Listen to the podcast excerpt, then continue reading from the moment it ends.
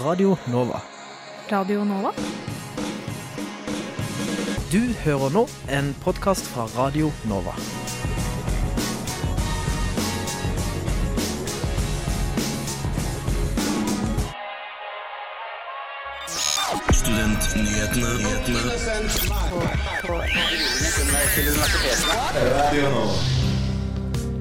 Høyesterett starter behandlingen av klimasøksmålet denne uken. Miss Norway 2020. Og eh, hvordan eh, har egentlig korona påvirket valget i USA? Vi har fått spare- og investeringsråd for unge og studenter.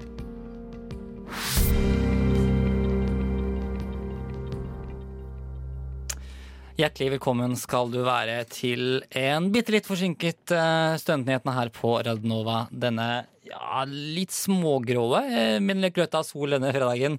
I dag ved Frida Høyås og meg, i Jakob Feiring. Uh, og så kan dere kanskje ha fått med dere, så har det jo vært uh, valg i USA, som noe Radnova har dekket i det brede. Både i valgvalgsending på ja, natt til onsdag, men også i opplysninger rett før oss. Fordi eh, denne tirsdagen så avholdt jo USA sitt presidentvalg, eh, og tellingen av stemmer eh, pågår fortsatt i statene Pennsylvania, Nevada, Georgia og Nord-Carolina. Og kandidatene trenger jo 270 valgmenn for å få flertall, og dermed vinne valget. Og stemningen i USA, den er jo urolig. Og president Trump anklager demokratene for valgfusk. Hvordan ligger vi egentlig an med resultatene, Ingar? Det er veldig tett her, eh, men jeg føler først vi skal bare høre litt hva Trump eh, sa i, eh, i natt. Good evening. I'd like to provide the American people with an update on our efforts to protect the integrity of our very important 2020 election. If you count the legal votes, I easily win. If you count the illegal votes, they can try to steal the election from us. If you count the votes that came in late, we're looking at them very strongly, but a lot of votes came in late. I've already decisively won many critical states, including massive victories in Florida, Iowa, Indiana, Ohio. To name just a few, we won these and many other victories despite historic election interference from big media, big money, and big tech. Dette var altså et litt kort utdrag fra talen til Trump i natt, eh, som holdt på pressekonferanserommet til Det hvite hus. Og her er det jo Trump påstår nesten at han har vunnet eh, og skylder på at demokratene har eh, jukset og bl.a. finner stemmer. Vi skal jo eh, se bare litt over tallene her på de viktige vippestatene som kan avgjøre valget. Vi skulle jo gjerne hatt et resultat der i dag. Det, det har vi ikke. Det blir nok ikke klart før helgen eller kanskje mandag tirsdag. Men det er vel jevnt. Vi kan jo begynne med kanskje en av de viktigste statene, eh, eh, nemlig Pennsylvania. Her akkurat nå eh, så får vi da kan siste si tallene nå fra NBC News, og de melder at Trump ligger eh, an til å vinne en knapp seier der, med 49,5% av stemmene, og Biden 49,2. Og det er eh, altså egentlig bare et par tusen Ja, det er rundt 1000 stemmer som skiller de to kandidatene.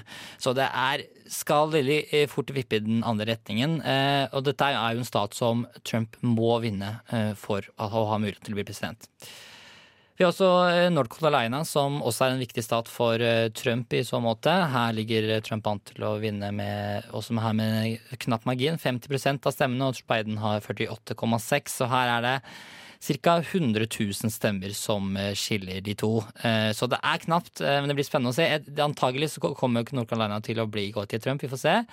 Og så er det Georgia. Eh, der er det Biden nå 49,4 eh, av stemmene, og Trump har 49,4. Så det her er det totalt likt. Det skiller ja, faktisk det er også bare under 1000 stemmer. Så det er ekstremt jevnt, og det blir jo spennende å se.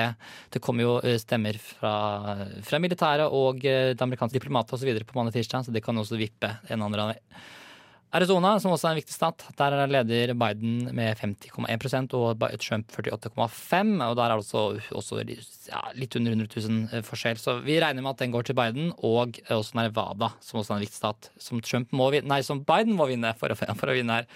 49,4 prosent stemmene har han, og Trump har 48,5. Der er det også 100 000 som skiller, så det er veldig jevnt. Vi vet ikke hva som skjer, men vi får håpe at vi får Hvis vi får et svar i løpet av sendinga, så skal vi, skal vi det. Breaking news. Antagelig ikke. Men vi skal over til noe annet. Vi skal over til mer lokale nyheter.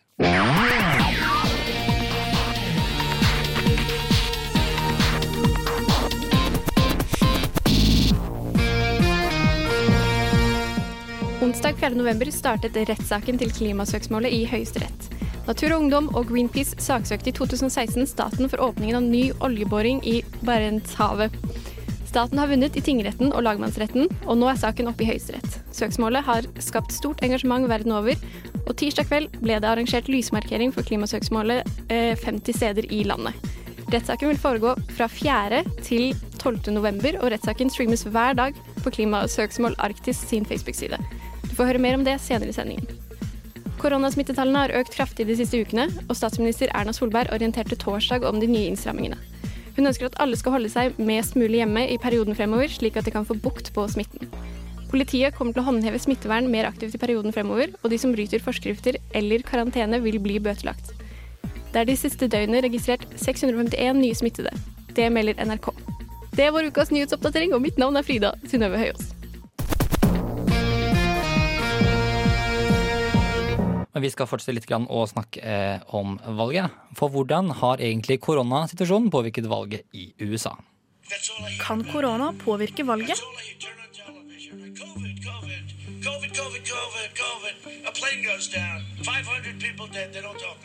Det er et faktum nå at korona har eh, preget 2020 eh, i aller høyeste grad.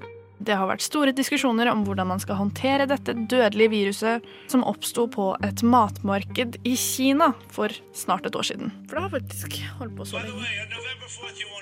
Det har vært store diskusjoner i USA om hvordan man skal håndtere viruset, og kanskje ikke overraskende, i og med at det har vært eh, valginnspurtens år, så har koronahåndtering og smittevern blitt eh, politiske spørsmål. Mange medier mener at korona kan påvirke valget i aller høyeste grad. Spørsmålet er bare hvordan. Men la oss først få på plass faktaene om eh, USA og korona. Har de vært en god match? Det er kanskje ikke så mange som vil si at korona er en god match med noen, men med USA så har den heller ikke vært en god match.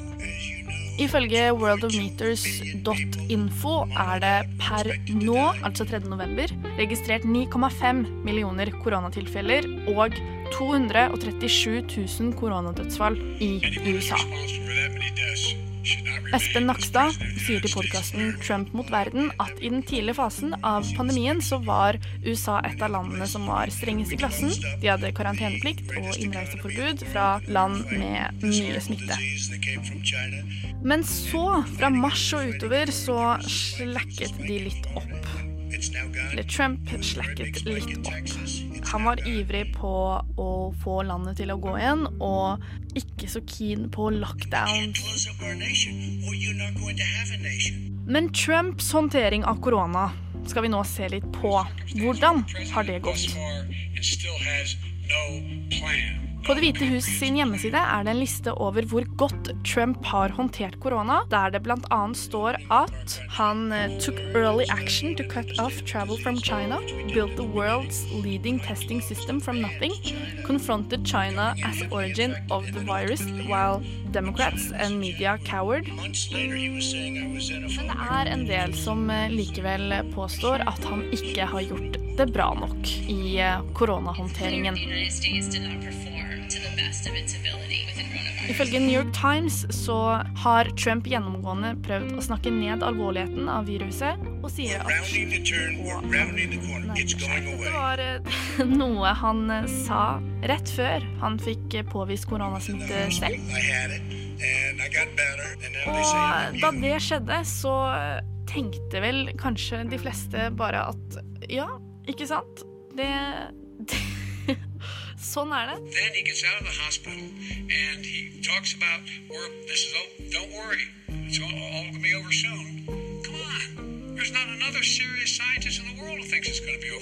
Men hva med det amerikanske folket? Har de vært fornøyd med Trumps koronahåndtering sånn, sånn generelt? Hvis vi ser på 538.com, så er det 57,2% som ikke er fornøyd. Etter Trump fikk korona selv, så var det egentlig ingen endringer i pollen. Like mange var misfornøyd. Og like mange var fornøyd. I forhold til parti så er 82,9% republikanere veldig enig i måten Trump har håndtert korona på, men 6,3 demokrater er enig i Trumps koronahåndtering. Dette er tall som gjelder 1. november. På YouTube-kanalen til Last Week Tonight med John Oliver legger han frem eh, argumentene for at Trumps koronahåndtering har manglet forberedelser, koordinering og kommunikasjon. On April 3rd, the CDC finally advised that the public wear masks, but Trump immediately undercut it in the very press conference that news was announced. Voluntary public health measures. So it's voluntary. You don't have to do it. I don't think I'm going to be doing it. And just like that, wearing a mask was a political issue. What we would do is make sure we have everyone encouraged to wear a mask all the time. I would Det at det er et så splittende syn på Trumps koronahåndtering, sier noe om hvor politisert pandemien har blitt i USA. Det har ført til at valgkampene deres har blitt gjennomført veldig ulikt. Biden har for det meste hatt digitale valgkamper, mens Trump har gått dør til dør og holdt store folkemøter. Og deres syn på korona speiler seg på mange måter med valgskaren deres. I mean, mask. Aftenposten skriver at en som heter Albert Hunt, en presseveteran, sier at eldre mennesker lener seg litt mer mot Biden i flere vippstater. Og Albert Hunt tror at Trumps håndtering av koronaviruset kan bli vesentlig. Det spekuleres altså i om Trump har mistet mange eldre velgere pga. hans håndtering av korona. Uh. De som er 65 år og eldre, står for 80% av eh, koronadødsfallene i USA. Føler de seg oversett og ignorert av Trump? It's not my fault that he came here. It's China's fault. Men hva med Biden? Kan korona hjelpe Biden med å vinne?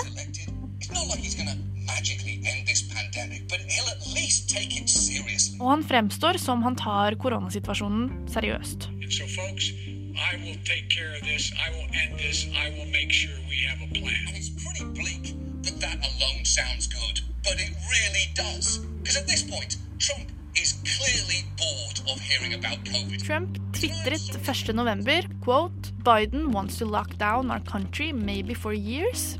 Crazy. There will be no lockdowns. Store bokstaver. The great American comeback is underway.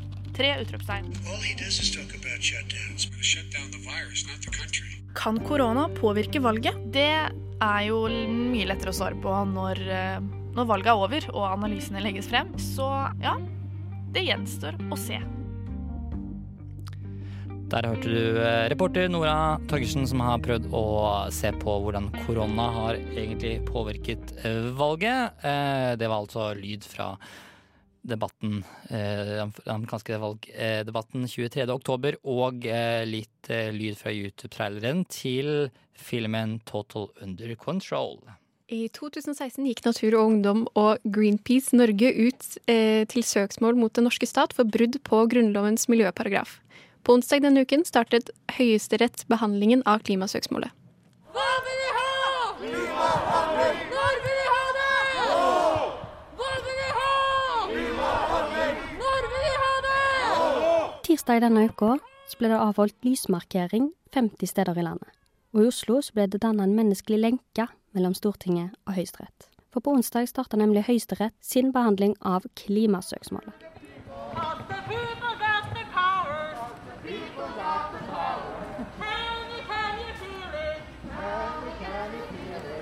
I 2016 saksøkte Greenpeace Norge og Natur og Ungdom staten for åpningen av ny oljeboring i Barentshavet. Organisasjonene mener at oljeboringen bryter med miljøparagrafens 112 i Grunnloven, som slår fast at borgerne har rett til et levelig miljø, og at staten skal iverksette tiltak som sikrer denne retten.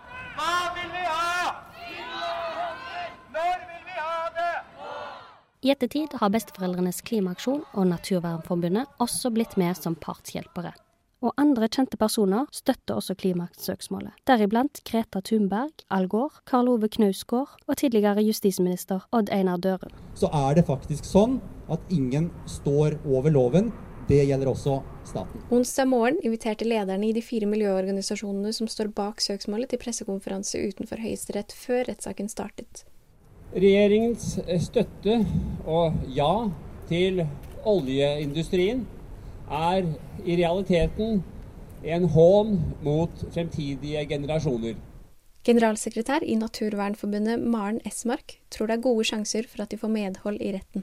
Jeg tror det er en viss sjanse for at vi får medhold. Vi mener jo at det er et klart brudd på Grunnloven. Eh, at regjeringen ignorerer alle de miljøfaglige rådene. Både av hensyn til klima, men også av hensyn til eh, de sårbare økosystemene i Arktis. Og hun forteller at det har vært en lang prosess. Så har saken vært behandlet først i tingretten, så i lagmannsretten, og nå er vi kommet til Høyesterett. Og det er ganske historisk. Det er ikke så mange saker Høyesterett har. Og I tillegg så er det plenumsbehandling. Eh, og det er svært sjelden at Høyesterett møtes i plenum. Så det indikerer hvor viktig denne saken er. Esmark mener at uavhengig av utfallet av rettssaken, vil søksmålet føre til endringer. Jeg tror at den oppmerksomheten saken har skapt, vil uansett føre til endringer i oljeforvaltninga. Jeg tror de avsløringene vi har hatt eh, i det siste, kommer til å føre til endringer. Og jeg tror også at det at vi nå ser og føler klimaendringene i mye større grad enn tidligere, skaper et engasjement og et press fra folket som gjør at endringer kommer uansett. Søksmålet skjer fra 4. til 12. november og kan bli streama på Facebook-sida til Klimasøksmål Arkis mellom 9 og 14.30. Der hørte du Maren Esmark, reportere i saken var Frida Høyås og Helene Wilhelmsen. For eh, mange så kan det virke skummelt å sette pengene sine på noe annet enn den gode, gamle sparekontoen. Men hva er egentlig lurest å gjøre for deg og som studenter som ønsker å komme i gang, godt i gang med sparingen, eller som ønsker å investere i noe? For å få svar på dette har vi tatt en prat med en investeringsrådgiver i DNB. Har du lurt på om du bør sette i gang med sparing som student? Eller om du bør investere i aksjer, fond eller kanskje til og med bolig. Jeg ringte Benas Ganji, investeringsrådgiver i DNB, for å få litt tips til hvor det er lurt at vi studenter plasserer pengene våre. Hei, det er Benas. Hei, det er Mari fra Studentnyhetene her. Er det lurt for studenter å investere penger i noe tidlig? Uh, ja, for det er klart at uh, hvis alternativet er bankkonto, så er jo ofte andre investeringer mer lønnsomt over tid. Eh, men så er det klart at det er noen ting som må være på plass før man gjør forskjellige investeringer. Skal du kjøpe bolig, så må jo f.eks. egenkapital være på plass. Eh, så da må jo du ha start en god stund før det. Eh, skal du spare i fond, så bør jo du ha en bufferkonto f.eks. For, for studenter som da gjerne ofte er under 34, så bør kanskje BSU prioriteres. Men ja, eh, det å finne seg eh, en måte å plassere overskudd på eller investere på som gir deg mulighet for vekst over tid, eh, det er definitivt lurt. Og det er klart at Jo tidligere du begynner, jo mer avkastning får du generert. Så å begynne tidlig er, er lurt? Absolutt. Eh, men studenter flest har jo ofte ikke store summer å rutte med i etterkant av at liksom alle utgifter er betalt og sånn. Det er gjerne heller prat på et lite overskudd fra en deltidsjobb eller et eller annet sånt. Hva er lurt å gjøre med dette overskuddet? Um, altså det, som jeg, uh, det som jeg tenker at uh, man bør prioritere før man investerer, for å bruke det ordet, da. Um, det er jo selvfølgelig å, å spare på BSU. Um, og det er jo en veldig god løsning. Um, men har man et månedlig overskudd etter at man har betalt alle utgifter, uh, og det er penger som man ser for seg kan bli stående en stund, så viser jo historien at det å investere i fond jevnt og trøtt, altså over tid, uh, gir mulighet for en god gevinst. Når det er sagt, Eh, så må man jo også tenke at pengene kan stå i noen år. Fordi at de pengene du investerer i fond, de vil jo naturligvis bringe i verdi. Eh, så da trenger du også tid til å før du trenger disse pengene. Det er veldig viktig når du skal spare. Men hva da med å investere i aksjer? Eh, altså enkeltaksjer er jo ofte for de spesielt interesserte. Aksjer kan være lurt, men det krever mye jobb. Det krever mye interesse og kunnskap. Eh, og det krever selvfølgelig litt flaks. Så fond er nok for de aller fleste. Eh, og det er jo klart at det du gjør når du investerer i fond versus det å investere i enkeltaksjer, er jo at du sprer investeringen din på veldig mange selskap. Kjøper du aksjer, så investerer du i ett selskap og er helt avhengig av utviklingen i det selskapet for å kunne hente ut god gevinst. Eh, Så fond er nok mer riktig for de aller fleste. Eh, I tillegg så innebærer jo aksjer veldig høy risiko. Så potensialet for gevinst i aksjer er jo veldig bra. Eh, Men jeg vil si at fond er nok mer riktig for de aller fleste. Så er det en litt kjent sak at det er vanskelig for studenter, og kanskje særlig Oslo, å komme seg inn på boligmarkedet. Hva er ditt beste tips til deg? Du nevnte jo BSU tidligere. Mm. Ja, altså BSU-en er jo en det er jo en genial løsning. Og nå er det jo også sånn at de fleste banker har eh, et tilleggsprodukt. eh, en type BSU 2.0 eller BSU Start. Fordi at man ser at behovet for egenkapital er så stort som det er. Men hvis man har mulighet, altså etter at man har fulgt opp disse BSU-ene eller BSU-en, hvis man da fremdeles har et månedlig overskudd, eh, og boligkjøpet skjer først om noen år, så kan det være en idé å prøve å finne et fond som passer for deg. For dessverre så er det jo sånn at sånn som rentesituasjonen er nå, eh, på konto i bank, så taper pengene kjøpekraft. Så hvis du har de stående der over veldig lang tid, så klarer du dessverre ikke engang å bevare kjøpekraften på de ordinære bankkontoer. Men, eh, men igjen, da bør boligkjøpet være noen år frem i tid. Og hva mener du med kjøpekraft, egentlig? Altså, eh, kjøpekraft betyr jo det du får for pengene. Um, I Norge så har vi jo noe som heter, eller de fleste land har noe som heter inflasjon. Altså det du betaler for varer og tjenester, uh, det øker i pris hvert år. Uh, I Norge så har vi et inflasjonsmål på 2 Det vil jo si at hvis vi treffer det, så øker uh, prisen på varer og tjenester vi bruker med ca. 2 hvert år. Så når renten på konto er lavere enn 2 så betyr det at du får ikke det samme for hundrelappen din i 2020 som du gjør i 2021. Så da må du prøve å plassere pengene på en måte som gir deg mulighet til å få en rente eller en avkastning bedre enn inflasjonen. På mange fond så kan du oppnå det over tid, men ikke nødvendigvis fra år til år. Men BSU f.eks., det gir deg det. Det gir deg bankens beste rente. Så oppsummert så er fond noe du virkelig anbefaler for en langtidsinvestering til studenter. For en. Ja, helt riktig. Hvis du har ingen kredittkortgjeld, det er superviktig at du ikke har noen usikker dyr gjeld. Det bør du kvitte deg med før noen ting annet. Hvis du har en bufferkonto på plass, altså en konto som dekker uforutsette utgifter, og som student, hvis ikke man eier bolig, så må det i hvert fall være nok der til å dekke f.eks. et tannlegebesøk. Eh, hvis du har bil eller du betaler, har kjøpt f.eks. egen vaskemaskin, så må det være nok penger på en sånn konto for å dekke sånne utgifter.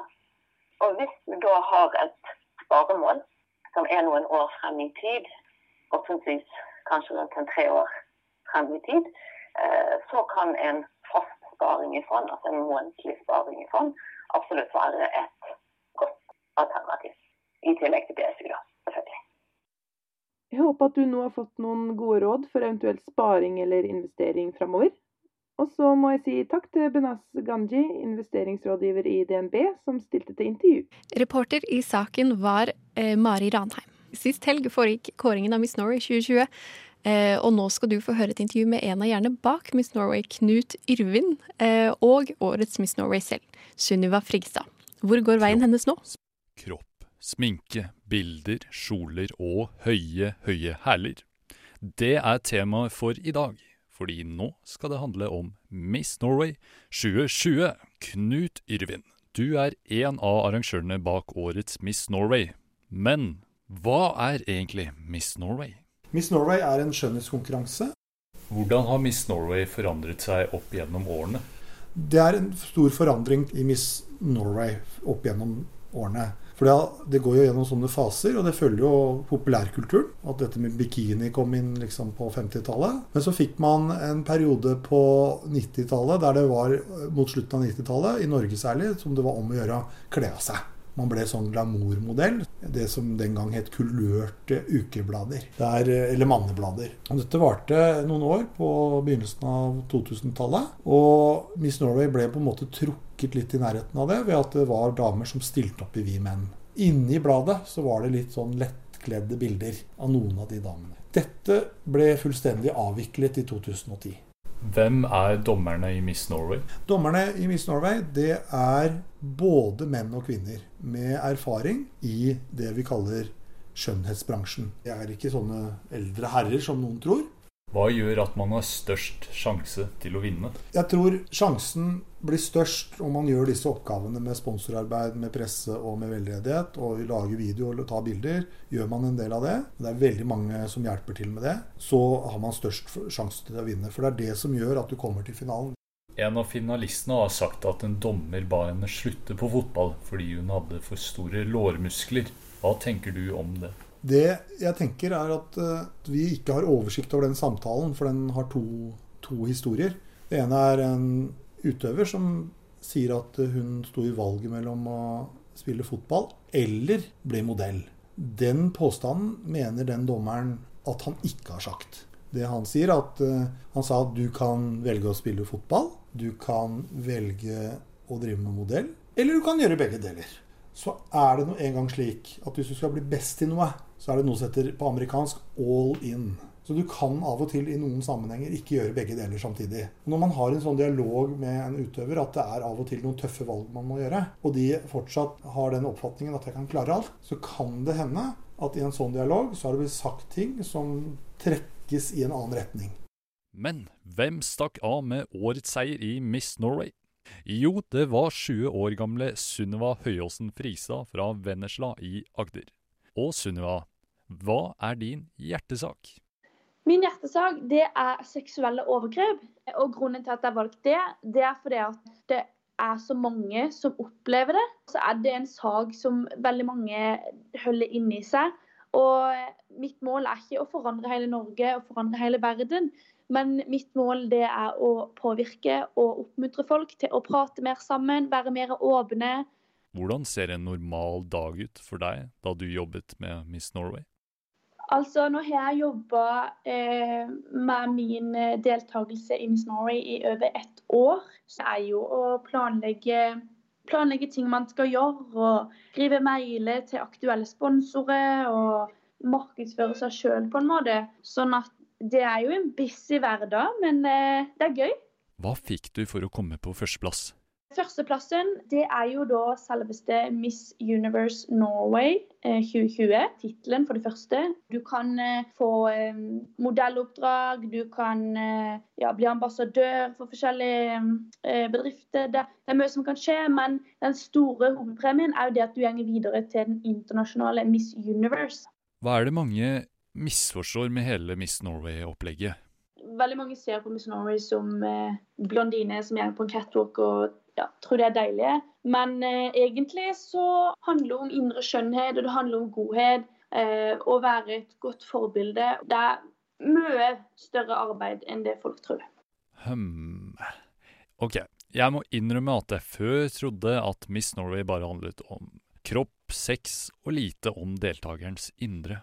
Men i dag har jeg egentlig funnet ut at det kanskje heller er omvendt. Uansett har det vært utrolig spennende å få høre mer om hvordan denne konkurransen foregår. Og du, husk å stemme på meg som Miss Norway 2021!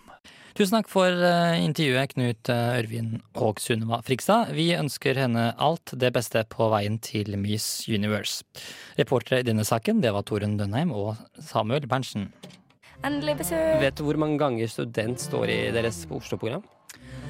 Det har jeg nok eh, ikke talt opp, eh, men jeg, det antar jeg at dere har. Vi er nyhetsprogrammet av og med studenter. God studentpolitikk er god eh, fremtidspolitikk. Har du vært på radio før, eller? Har dere Senterpartiet glemt studentene når dere skrev deres valgprogram for Oslo? Altså, mulig. Vi er på radioen din. Og på podkast. Aldri lenger unna. Og spør om Peter. Hei, hei. Jeg vil bare informere deg om at du hører på Studentnyhetene. Det er jo tydelig at noen har lagt merke til hva jeg har holdt på med, og at eh, hvis det har gjort en bitte liten forskjell et eller annet sted, så er jeg veldig glad. Det er viktigste for meg. Hver fredag fra 11 til 12 på Radio Nova. Hør på oss. Jeg hadde ikke gjort det. Men jeg syns du skal nettopp høre på oss i Studentnyhetene. Ja, akkurat nå så er det jo Ja, det er litt uh, overskya nå i Oslo, men sola glimter til. Men spørsmålet er, Frida, om det nå blir sol, mer sol eller ikke i helgen. Det er nemlig klar for vår, vår kjære værmelding. Ja, for i dag så får vi mildvær med hele 14 grader og noe sol. Eh, temperaturen den vil synke etter i dag, og både lørdag og søndag vil temperaturen ligge på rundt 8 grader. Det vil være skyet med mulighet for sol lørdag og søndag. Eh, og ettersom det er meldt grått vær hele neste uke, råder jeg alle til å komme seg ut og nyte finværet mens det enda er her. Dette melder Yr. Vi nærmer oss slutten for Studentnyhetene for i dag, og det betyr at det straks er eh, helg. Og du skal kanskje noe gøy i helgen, eller hva, Frida? Ja, du, jeg hadde tenkt meg på ei lita visning med kjæresten min. Vi eh, ser etter et sted å bo med våre katter.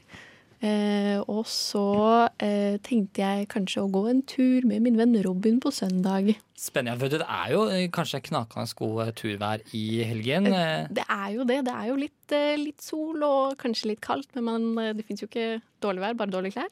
Jeg syns også man, man kan oppfordre til å gå eh, tur eh, enn så lenge, enn man, så lenge man kan, både til temperatur og eh, koronarestriksjoner. Men Hva skal du i helga da, Ingar? jeg skal eh, faktisk eh, på festival, fordi eh, fest, eh, ja, på lørdag så, og så, I dag, lørdag og søndag så arrangeres eh, Nytfestivalen, som er en festival om eh, seksualitet, egentlig, som jeg skal dekke for eh, nettopp Radio Nova. Så det blir veldig spennende å høre hvordan det er. Ok, Så det er business, ikke pleasure? Det er mest business, ja. Det blir Men business. litt pleasure. Det, ja, kan vi si det sånn? Ja. Sånn. Men eh, vi skal i hvert fall takke for oss i dag. Tusen takk for at du hørte på Studentnyhetene i nettopp dag. Hør oss gjerne igjen på podkast og følg oss på sosiale medier på Instagram og Facebook som vanlig. Der heter vi Studentnyhetene. Etter oss så kommer selvfølgelig radiotjenesten, så lytt til det hvis du vil ha god knakende satire her på Radio Nova. Mitt navn er Ingar Jakob Feiring, og i studio i dag har jeg med meg Frida Høyås. Og tekniker det har vært meg selv, Ingar Jakob Feiring, og vi ønsker deg en riktig god helg. Og snart er det jo lørdag, så hva passer vel bedre enn nettopp låten 'Lørdag' med Åsen her på Radionova og Studentnyhetene. Du har hørt en podkast fra Radio Nova. Likte du det du hørte? Du finner flere podkaster i iTunes og på våre hjemmesider radionova.no.